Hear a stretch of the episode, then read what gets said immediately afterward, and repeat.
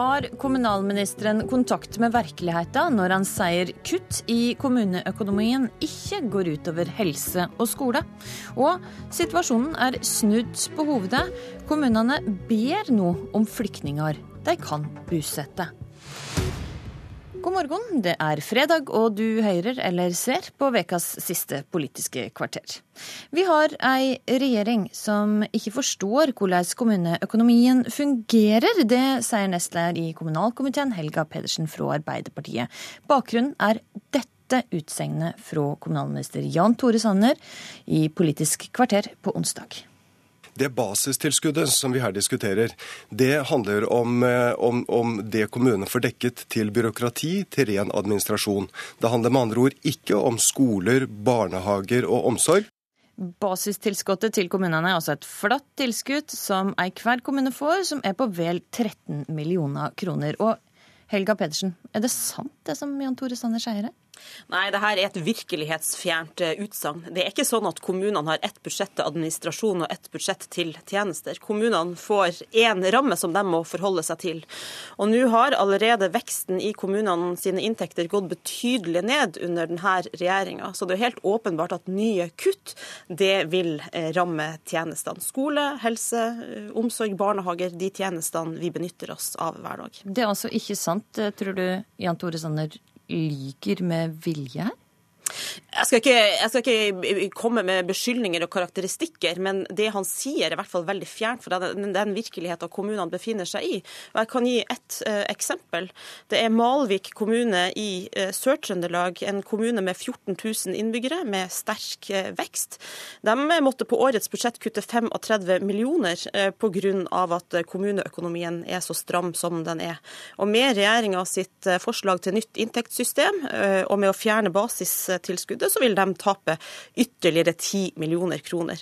Eh, og Da er det åpenbart at det går utover tjenestene. Det er ingen eh, lokalpolitikere, i hvert fall veldig få lokalpolitikere i dette landet som prioriterer eh, administrasjon foran tjenester. Så her er det allerede skåret ned. Ja, og nå snakker vi altså om dette det tilskuddet som blir kalla basistilskuddet, og disse 13 millionene. Og kommunalministeren han hadde ikke høvd til å stille i Politisk kvarter eh, sjøl i dag, men det hadde du, Frank Jensen, kommunalpolitisk talsperson for Høyre. Og når Sanner altså hevder at dette tilskuddet ikke har noe med skoler og barnehager eh, å gjøre, har han rett da? La meg først få si at Vi kutter jo ikke i kommuneøkonomien, vi styrker kommuneøkonomien. og Det har vi gjort år for år. Men når, vi tar disse tilskuddene, altså basistilskuddet ja, og, og, og, basistilskuddet er begrunna. Det er innført med begrunnelse å dekke kommunens grunnleggende eh, administrasjonskostnader. Og så er det sånn at Alle får like mye i dag. Uh, uavhengig om du er en bitte liten kommune eller en kjempestor kommune, så får du det samme tilskuddet. Ulempen med måten det tilskuddet er laga på, er at når alle kommuner får like mye, så er det sånn at hvis to eller tre kommuner slår seg sammen, de har da tre tilskudd i dag, de vil da over tid få redusert det til ett tilskudd. Det syns mange kommuner er ganske urimelig. Fordi de pengene som da blir til overs, går jo til bl.a. til de kommunene som ikke eh, slår seg sammen. Vi har sagt at vi ønsker et inntektssystem som fjerner hindre for kommunesammenslåing. Det er det dette handler om. I dag er det mm. ulønnsomt for kommuner å slå seg sammen, bl.a.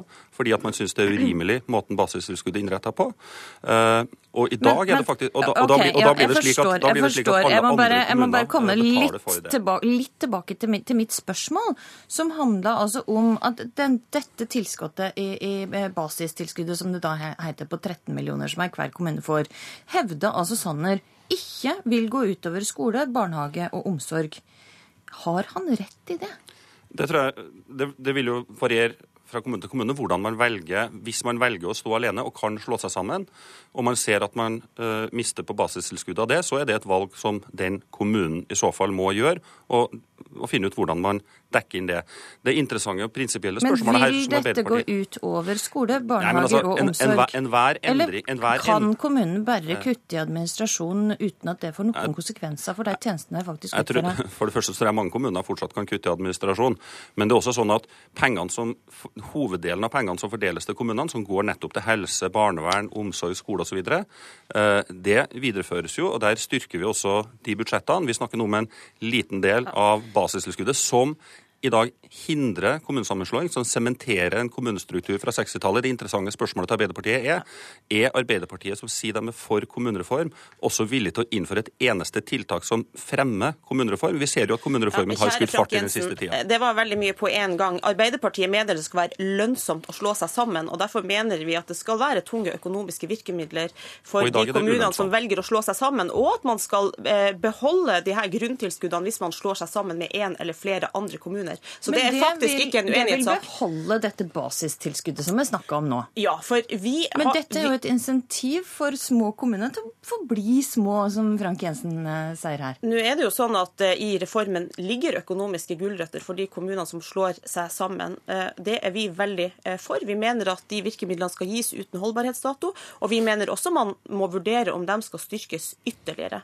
Men hvis man mener at kommunesammenslåinger reelt skal være frivillig, så kan man ikke ta pengene fra de kommunene eh, som har konkludert eh, med at eh, i vår kommune er det ikke formålstjenlig å slå seg sammen.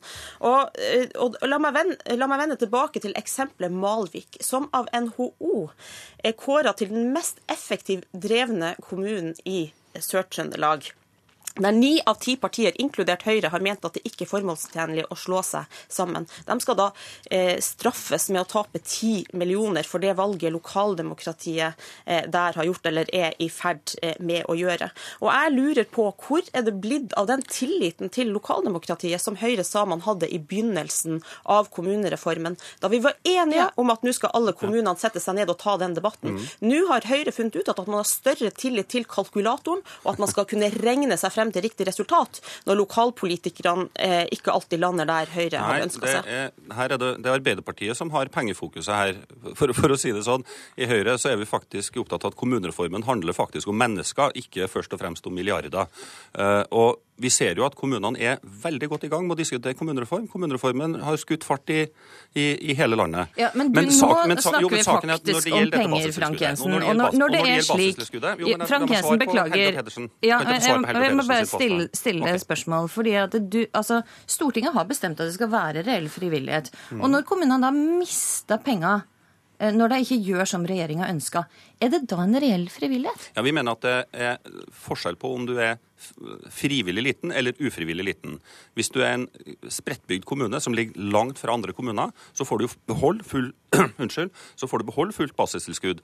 Mens i andre sammenhenger så uh, kan det være at du er en relativt liten kommune som ligger slik til at du godt kan slå deg sammen med andre. Og Da mener vi at vi må ha et inntektssystem som ikke hindrer kommunesammenslåinger. Ja, men... men det interessante spørsmålet til Arbeiderpartiet er jo ja, det gjelder, hvis det gjelder detaljene i akkurat hvordan ut, systemet utformes, det kan vi sikkert diskutere. Dette har vært i høring. Regjeringa har ikke landa med et eget forslag ja. til Stortinget ennå. Men, men, men, men saken at det er jo dagens Vi rekker ikke et nytt spørsmål til Arbeiderpartiet nå. Men jeg har lyst til å svare ut. Uh, ja, det skal du få lov til. Fordi det er altså dagens uh, system som er urimelig. For det er i dagens system hvor kommuner slår seg sammen. Hvis Arbeiderpartiet sier at man ønsker stimulanser ja. til kommunesammenslåing, så er det dagens system. Før vi diskuterer detaljer, la oss diskutere prinsipper. ja, det er det jeg prøver på. Det er dagens system. Og det dere gjør nå, er å innføre tvang, nye spilleregler midt i reformen. En av gangen. Frank Jensen, ja, du skal få snakke ut. Eh, takk. Eh, fordi det er dagens system hvor tre kommuner går sammen, og hvor de taper på det. Det er det som er urimelig. Det, det. hindrer kommunesammenslåing, pluss at det er urimelig i seg selv. Og det skjønner jeg godt at de kommunene reagerer på. Det, det har vi skjønt. Frank Jensen, takk for at du var med i Politisk kvarter. Helga Pedersen, du blir med oss videre.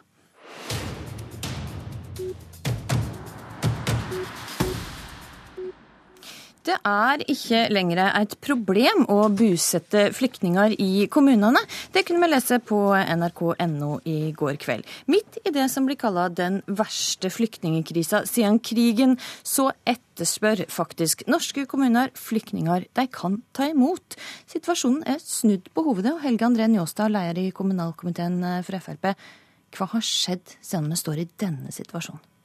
Eh, nei, Hovedårsaken til dette er jo at eh, det kom til en, en, stor tilstrømming til Norge som gjør at vi trenger flere saksbehandlere i UDI. Både for å saksbehandle retursakene, men òg de som skal bli.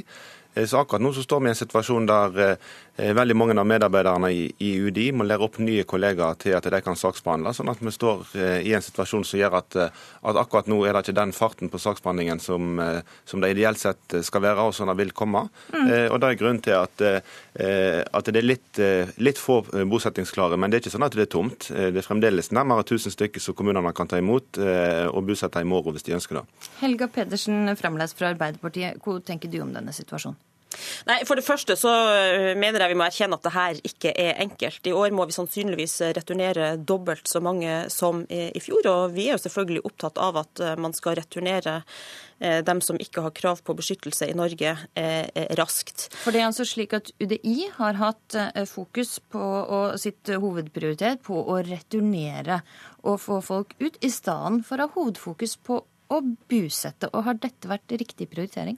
Nei, Det er behov for en eh, bedre eh, balanse. Eh, for det er, jo, eh, det er, jo, svært underlig at vi midt i en flyktningkrise opplever at eh, kommunene sitter klar til å ta imot flyktninger, eh, men at man ikke har behandla nok saker for å gi folk et tilbud. Så her er det viktig at regjeringa, eller innvandrings- og integreringsministeren, nå følger opp det hun sa til Stortinget i forrige uke. at man man må se på balansen mellom innvilgelsessaker og avslagssaker. Og Det er viktig at regjeringa nå viser gjennomføringsevne og handlekraft, for eh, Stortinget har vært veldig tydelig på at den krisa vi har sett i mottaksapparatet, ikke skal forflytte seg til kommunene. Og det risikerer vi hvis sakene hoper seg opp og man får veldig mange som skal bosettes i løpet av kort tid til høsten. Njåsa, det er en uheldig situasjon en er oppe i akkurat nå? Jeg vil ikke kalle det uheldig situasjon. Jeg tror alle som har drevet med på en måte eh, organisasjon, forstår at når man er nødt til å ha flere som skal jobbe med det samme, så trengs det en viss opplæringstid. og Ingen kunne forutse at man trenger så mange saksbehandlere. Eh, det lå heller ikke i opposisjonen sine alternative budsjett at de skulle øke saksbehandlingstida. Sånn at den situasjonen som vi nå står i mot alle regjeringer har håndtert. Eh, og så er det viktig at det ikke går på bekostning av retursakene, for der er det tidsfrister. Det er store kostnader med at man sitter lenge, og man får en tilknytning til Norge som, som ikke er heldig. Så at vi skal ha fokus på returer eh, er viktig. Eh, men det er ikke det som er hovedgrunnen til at, eh, at saksbehandlingen nå ikke er så rask. Og så er det ikke sånn at det er tomt. Kommunene kan bosette de tusen som allerede har gjort vedtak om. Mm. Ja, Nå har jo innvandrings- og integreringsministeren sjøl erkjent at man må ha en bedre balanse mellom avslagssakene og innvilgelsessakene. og Da forventer jeg jo at hun følger opp det veldig fort. Og Så vil jeg også si til Helge Njåstad ja, det er ingen tvil om at dette er en krevende situasjon. Og vi forventer forventer ikke av regjeringa at man skal trylle. Samtidig er dette et av de punktene som Stortinget virkelig har vært opptatt av, og ikke minst Arbeiderpartiet. Eh, og Det var jo et av de aller første kravene vi stilte i høst, at eh, regjeringa måtte bemanne opp på Storskog. Der var man altfor seint ute med å få inn saksbehandlere og politi. Og det har jo gjort at problemene nå er blitt mye større enn det de hadde trengt å bli hvis man hadde satt inn nok ressurser først. Og så vil jeg også det si at de forlikene... som Arbeiderpartiet, Njåstad. Da ja, hadde alt vært så mye bedre mange forslag. Ambulerende yes. saksbehandlerteam for raskt få ut de som ikke hadde krav på opphold i Norge. Må få opplæring, sant? Det er jeg selvfølgelig helt enig i. Men når du påstår at det her har ikke opposisjonen vært opptatt av, så er det en helt feil påstand. Og forlikene slår jo utvetydig fast at UDI må eh, styrkes, at man må hente inn kompetanse fra andre offentlige etater, men, men, men, og at man også må se på organisering og forenklinger. Så skal ikke jeg påstå at det her er superenkelt, men det vi er veldig opptatt av, er at regjeringa nå har fullt trykk på det her og følger okay. opp det Stortinget faktisk har sagt. Og, og, og, da har man fullt full trøkk på det, men eh, man kan ikke trylle, og man er nødt til å gjøre en forsvarlig saksbehandling. Så uansett hvem som hadde sittet i regjering, så hadde denne situasjonen måttet ha vært håndtert. Eh, og han blir håndtert på en god måte. Man klarer å saksbehandle retursakene raskt. og man eh, innvilger innvilgelsessakene òg. Sånn at eh, her har jo virkelig UDI levert. Jeg syns vi skal heller gi skryt til de som står i forvaltningen i en krevende situasjon, eh, enn at vi hele tida skal på en måte kritisere at ting burde vært gjort mer. Men vet du hva, jeg er veldig Jeg har all mulig respekt for den jobben UDI og utlendingsmyndighetene for øvrig gjør. Og det er ingen tvil om at de ansatte står på alt de kan og gjør sitt